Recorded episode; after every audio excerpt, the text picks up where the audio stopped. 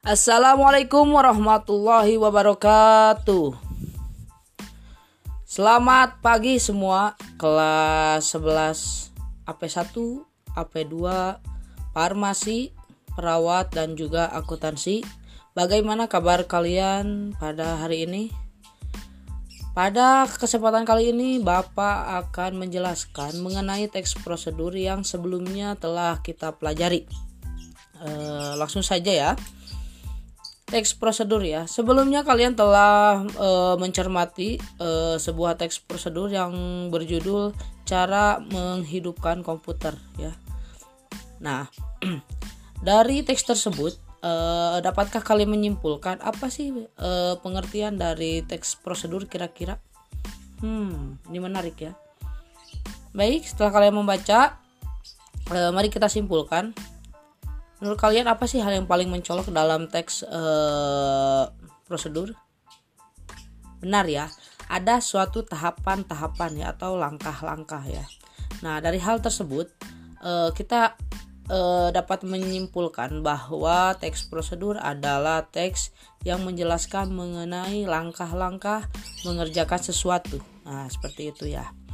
Selanjutnya, pada halaman 11 ada beberapa soal yang harus kita selesaikan nih. Eh, baik ya. Yang pertama mari kita kaji dulu ya. Berdasarkan paparan teks di atas, tentu kamu dapat menjawab pertanyaan berikut. Yang pertama, Mengapa bagian atas dinamakan penjelasan umum? E, maksudnya bagaimana ya ini? Baik, kalian silakan lihat e, pada teks satu cara menghidupkan komputer ada suatu paragraf ya dari mulai e, kata komputer sampai langkah-langkah berikut. Nah itu adalah satu paragraf. Nah yang dimaksud pada nomor satu adalah paragraf tersebut mengapa disebut atau dinamakan dengan penjelasan umum. Hmm.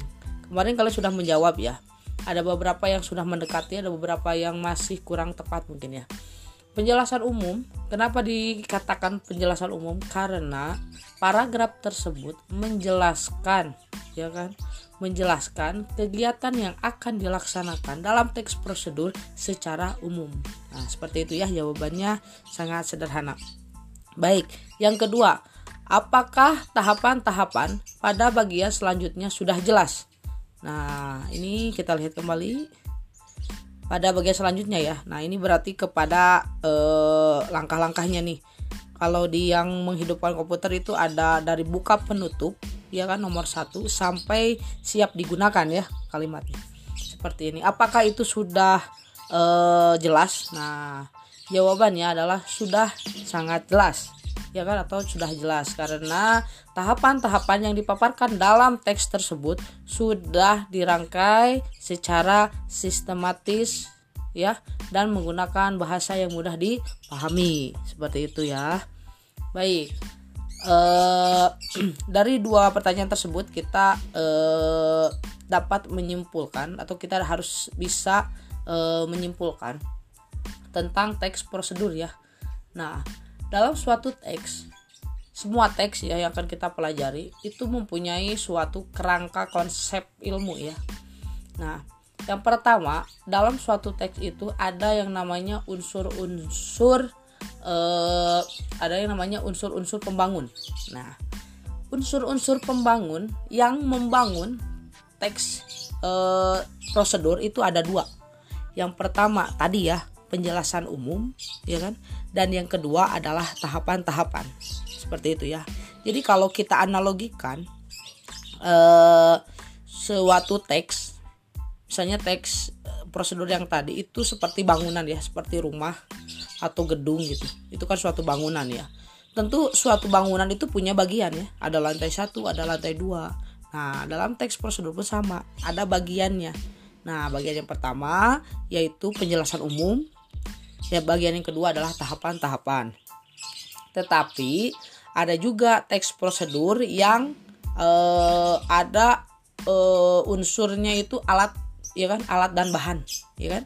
Biasanya itu dalam teks prosedur memasak itu ada ya alat dan bahan. Nah alat dan bahan itu disisipkan di antara penjelasan umum dan tahapan tahapan-tahapan biasanya. Jadi penjelasan umum dulu kemudian eh, tahap kemudian alat dan bahan dan tahapan. Ya kan misalnya eh, mau masak apa ya? Masak ayam misalnya ayam goreng serundeng nih. Ayam goreng serundeng ini penjelasan umumnya. Ayam goreng serundeng adalah ayam yang sangat digemari oleh masyarakat. Cara pembuatannya itu sangat sederhana. Nah itu penjelasan umum. Kemudian alat dan bahan. Alat dan bahan. Ya kan alat. Pertama ya kan siapkan e, kompor ya kan. Kemudian e, piring dan sebagainya. Dan bahannya ayam ya kan? Kelapa dan sebagainya. Kemudian tahapan tahapan. Nah seperti itu ya. Jadi e, bapak ulangi bahwa unsur pembangun teks prosedur itu ada penjelasan umum dan juga ada tahapan-tahapan. Dan ada tambahannya alat dan bahan. Ya kan? Alat dan bahan itu khusus untuk beberapa teks prosedur yang biasanya masak ya yang selalu ada. Seperti itu ya baik selanjutnya ini eh, kalian harus pahami ya bahwa eh, unsur itu eh, unsur pembangun itu adalah hal yang mendasar ya dalam suatu teks Baik, selanjutnya itu nomor tiga. Apa perbedaan utama teks prosedur dengan jenis teks yang lainnya? Nah, ini kira-kira apa ya bedanya? Hmm, misalnya kamu ingat teks apa ya yang paling sederhana? Puisi ya. Teks puisi. Tentunya kamu pernah mendengar, pernah melihat atau membaca teks puisi. Nah, teks puisi kita lihat ya. Misalnya apa ya? Uh, aku ya, karya Hayo Anwar. Kalau sampai waktuku ku mau tak seorang kan merayu tidak juga kau misalnya seperti itu ya teks puisi sedangkan tadi teks prosedur itu yang tadi ya menyalakan komputer ya atau menghidupkan komputer apa sih perbedaan yang paling mencolok dari kedua hal tersebut nah perbedaan yang paling mencolok adalah terdapat tahapan tahapan ya kalau dalam teks yang lain puisi itu tidak ada tahapan ya kan? Tidak mungkin dalam puisi ada tahapan misalnya puisi memasak satu siapkan bahan dan sebagainya. Itu tentu tidak ada ya visi seperti itu. Nah jadi perbedaan yang paling mencolok atau utama adalah terdapat tahapan-tahapan dalam teks prosedur seperti itu ya. Nah, kemudian dari isi nih nomor 4 ya. Dari isinya ingat dari isinya ya menjelaskan tentang apakah teks prosedur tersebut atau teks prosedur itu nah jawabannya bervariasi nih yang paling sederhana itu menghidupkan komputer, memadamkan komputer ya atau mematikan komputer atau mengoperasikan komputer ya seperti itu. Kalau mengoperasikan mungkin lebih luas ya. Kalau lebih spesifik itu jawabannya itu menghidupkan dan mematikan komputer ya seperti itu. Kemudian nomor 5 ya kita ke nomor 5 bagaimana karakteristik umum dari teks prosedur? Bagaimana sih karakteristik umum dari teks prosedur? Eh, hmm, ini sangat sederhana ya sebenarnya. Tadi ya yang bapak katakan ulangi karakteristik umum dari teks prosedur itu yang pertama ya kan terdiri dari tahapan-tahapan dan yang kedua ada penjelasan umum penjelasan umum dulu ya terdiri dari penjelasan umum dan ada tahapan-tahapan. Nah, itu karakteristiknya. Seperti itu ya, ada dua ya yang tadi jawabannya yang unsur yang Bapak jelaskan. Kemudian kita ke berdasarkan isinya nih nomor 6. Apakah fungsi teks prosedur itu berdasarkan fungsinya apa ya? Hmm. Berdasarkan fungsinya, suatu teks prosedur ya, yang pertama ya kan sebagai pedoman ya kan untuk melakukan sesuatu ya kan. Kedua agar pekerjaan kita lebih mudah. Yang ketiga agar pekerjaan kita dapat kita laksanakan dengan benar ya. Katakanlah ada tiga ya fungsinya. Masih banyak sebenarnya fungsi yang uh, ada dalam teks prosedur. Nah ini yang menarik yang ketujuh ya Kemukakan sebuah contoh teks prosedur yang kamu temukan dari koran atau majalah. Nah, ini silakan kalian cari ya. Bapak lihat sudah ada yang menjawab, sudah ada, sudah ada yang mencari ya dan mencatatnya pada buku jawaban ya. Nah, seperti itu ya. Mungkin kalau kalian ada pertanyaan silakan tanyakan kepada bapak ya terkait teks prosedur ya. Tapi menurut bapak teks prosedur itu adalah teks yang sederhana ya. Karena hanya dibangun dari dua unsur tadi ya penjelasan umum dan tahapan-tahapan. Dan teks prosedur ini sangat uh, apa ya sangat sering kita temukan mungkin ya kalau kalian cermat. Ketika kalian memasak mie membuat kopi ya kan atau menggunakan suatu alat itu pasti ada teks prosedur di sana ya kan? Nah seperti itu. Nah itu contoh teks prosedur. Nah pada pembelajaran selanjutnya kalian akan belajar cara e, membuat teks prosedur ya. Dalam penulisan teks prosedur ada beberapa tahapan ya yang harus kalian cermati ya mungkin. Yang pertama itu adalah harus punya sumber ya atau referensi. Ya kan? Misalnya kalian memasak nih. Kalian tentunya harus ada sumber dari mana ya misalnya. Dari mana gitu kan. Minimal kalian sumber tersebut menjadi dasar kalian menulis. Ya kan? Seperti itu. Ataupun bisa kamu e, berinovasi membuat sesuatu. Itu boleh. Ya itu sangat itu bakal lebih menarik mungkin ya. Nah e, pertama itu sumber ya kita harus cari tahu dulu. Boleh dari buku boleh dari koran majalah ataupun sekarang mungkin dari elektronik ya dari YouTube dan sebagainya boleh. Nah itu. Kemudian eh, kamu cermati teks tersebut yang kamu pahami yang kamu baca ya yang kamu simak ya kan? Kemudian kamu tuangkan ke dalam tulisan kamu ya kan? Dengan bahasa kamu sendiri. Ya ya. Jadi kamu boleh ya. Misalnya dalam penjelasan umum nih dalam penjelasan umum kamu misalnya uh, ingin cara membuat ayam goreng serundeng nih. Kamu menemukan nih misalnya di koran oh caranya ini gini gini. Nah kamu boleh menambahkan dengan bahasa kamu atau kamu cari lebih tahu tentang ayam serundeng itu ya kan? Untuk membuat penjelasan umum yang lebih bagus tentang ayam serundeng ya kan? Misalnya tentang uh, apa sejarahnya boleh ya kan untuk e, bahan penjelasan umum. Boleh ya kan? Kemudian tarik nanti ke eh, tahapan-tahapan atau alat dan bahan ya kan? Nah seperti itu. Nah kemudian e, kamu e, pahami tulisan kamu dan kamu e, implementasikan atau terapkan ke dalam suatu karya digital ya kalau sekarang mungkin ya di era digital ini kita akan maju ke pembelajaran digital. Jadi e, harus pandai ya menggunakan media sosial dan sebagainya. Nah jadi kamu silakan buat video ya kan tentang teks prosedur yang telah kamu tulis tadi ya. Silakan boleh bebas.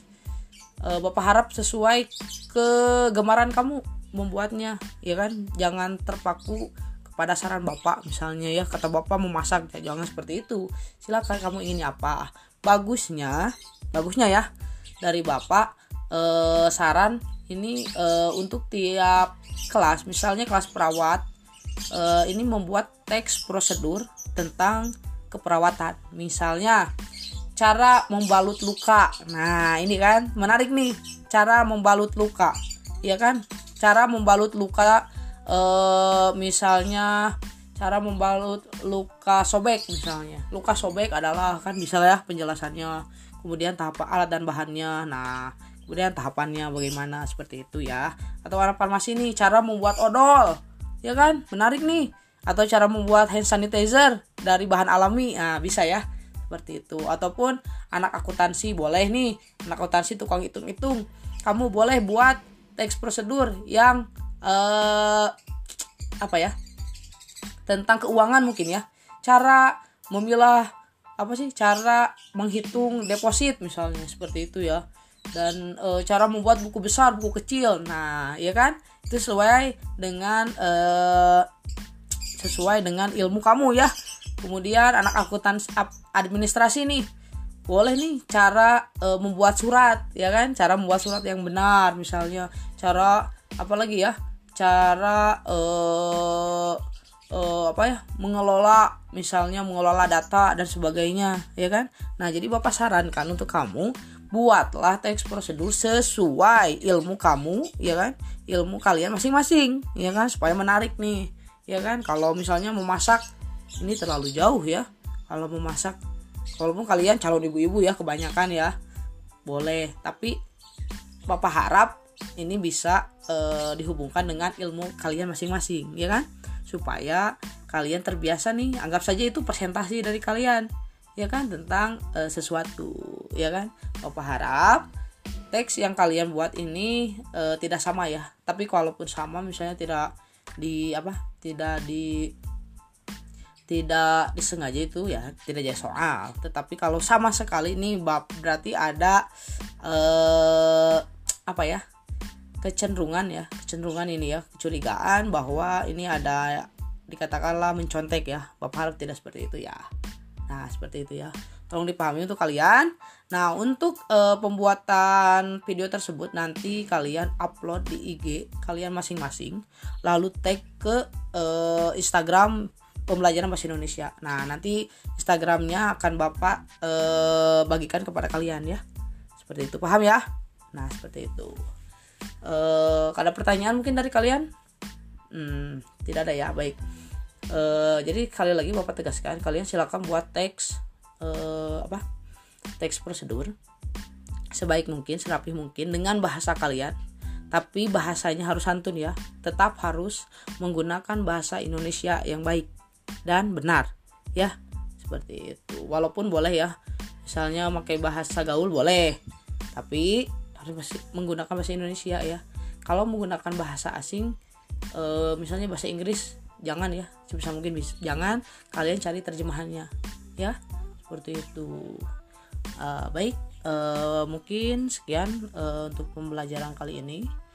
Uh, untuk selanjutnya nanti IG akan bapak kirim ke kalian akan bapak bagikan. Dan pengumpulannya itu minggu ini ya.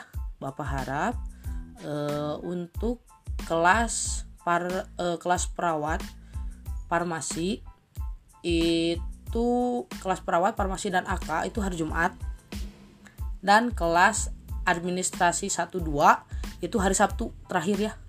Nah, sampai uh, sampai pukul 12 ya Bapak tunggu. Ya kan? Seperti itu. Paham ya? Paham semua? Baik. Terima kasih dari Bapak. Mungkin sekian dari Bapak. Bapak tidak bisa berpanjang lebar mungkin ya nanti lain kali uh, kita berjumpa di lain kesempatan. Terima kasih telah menyimak uh, podcast Bapak. Uh, selamat pagi. Assalamualaikum warahmatullahi wabarakatuh.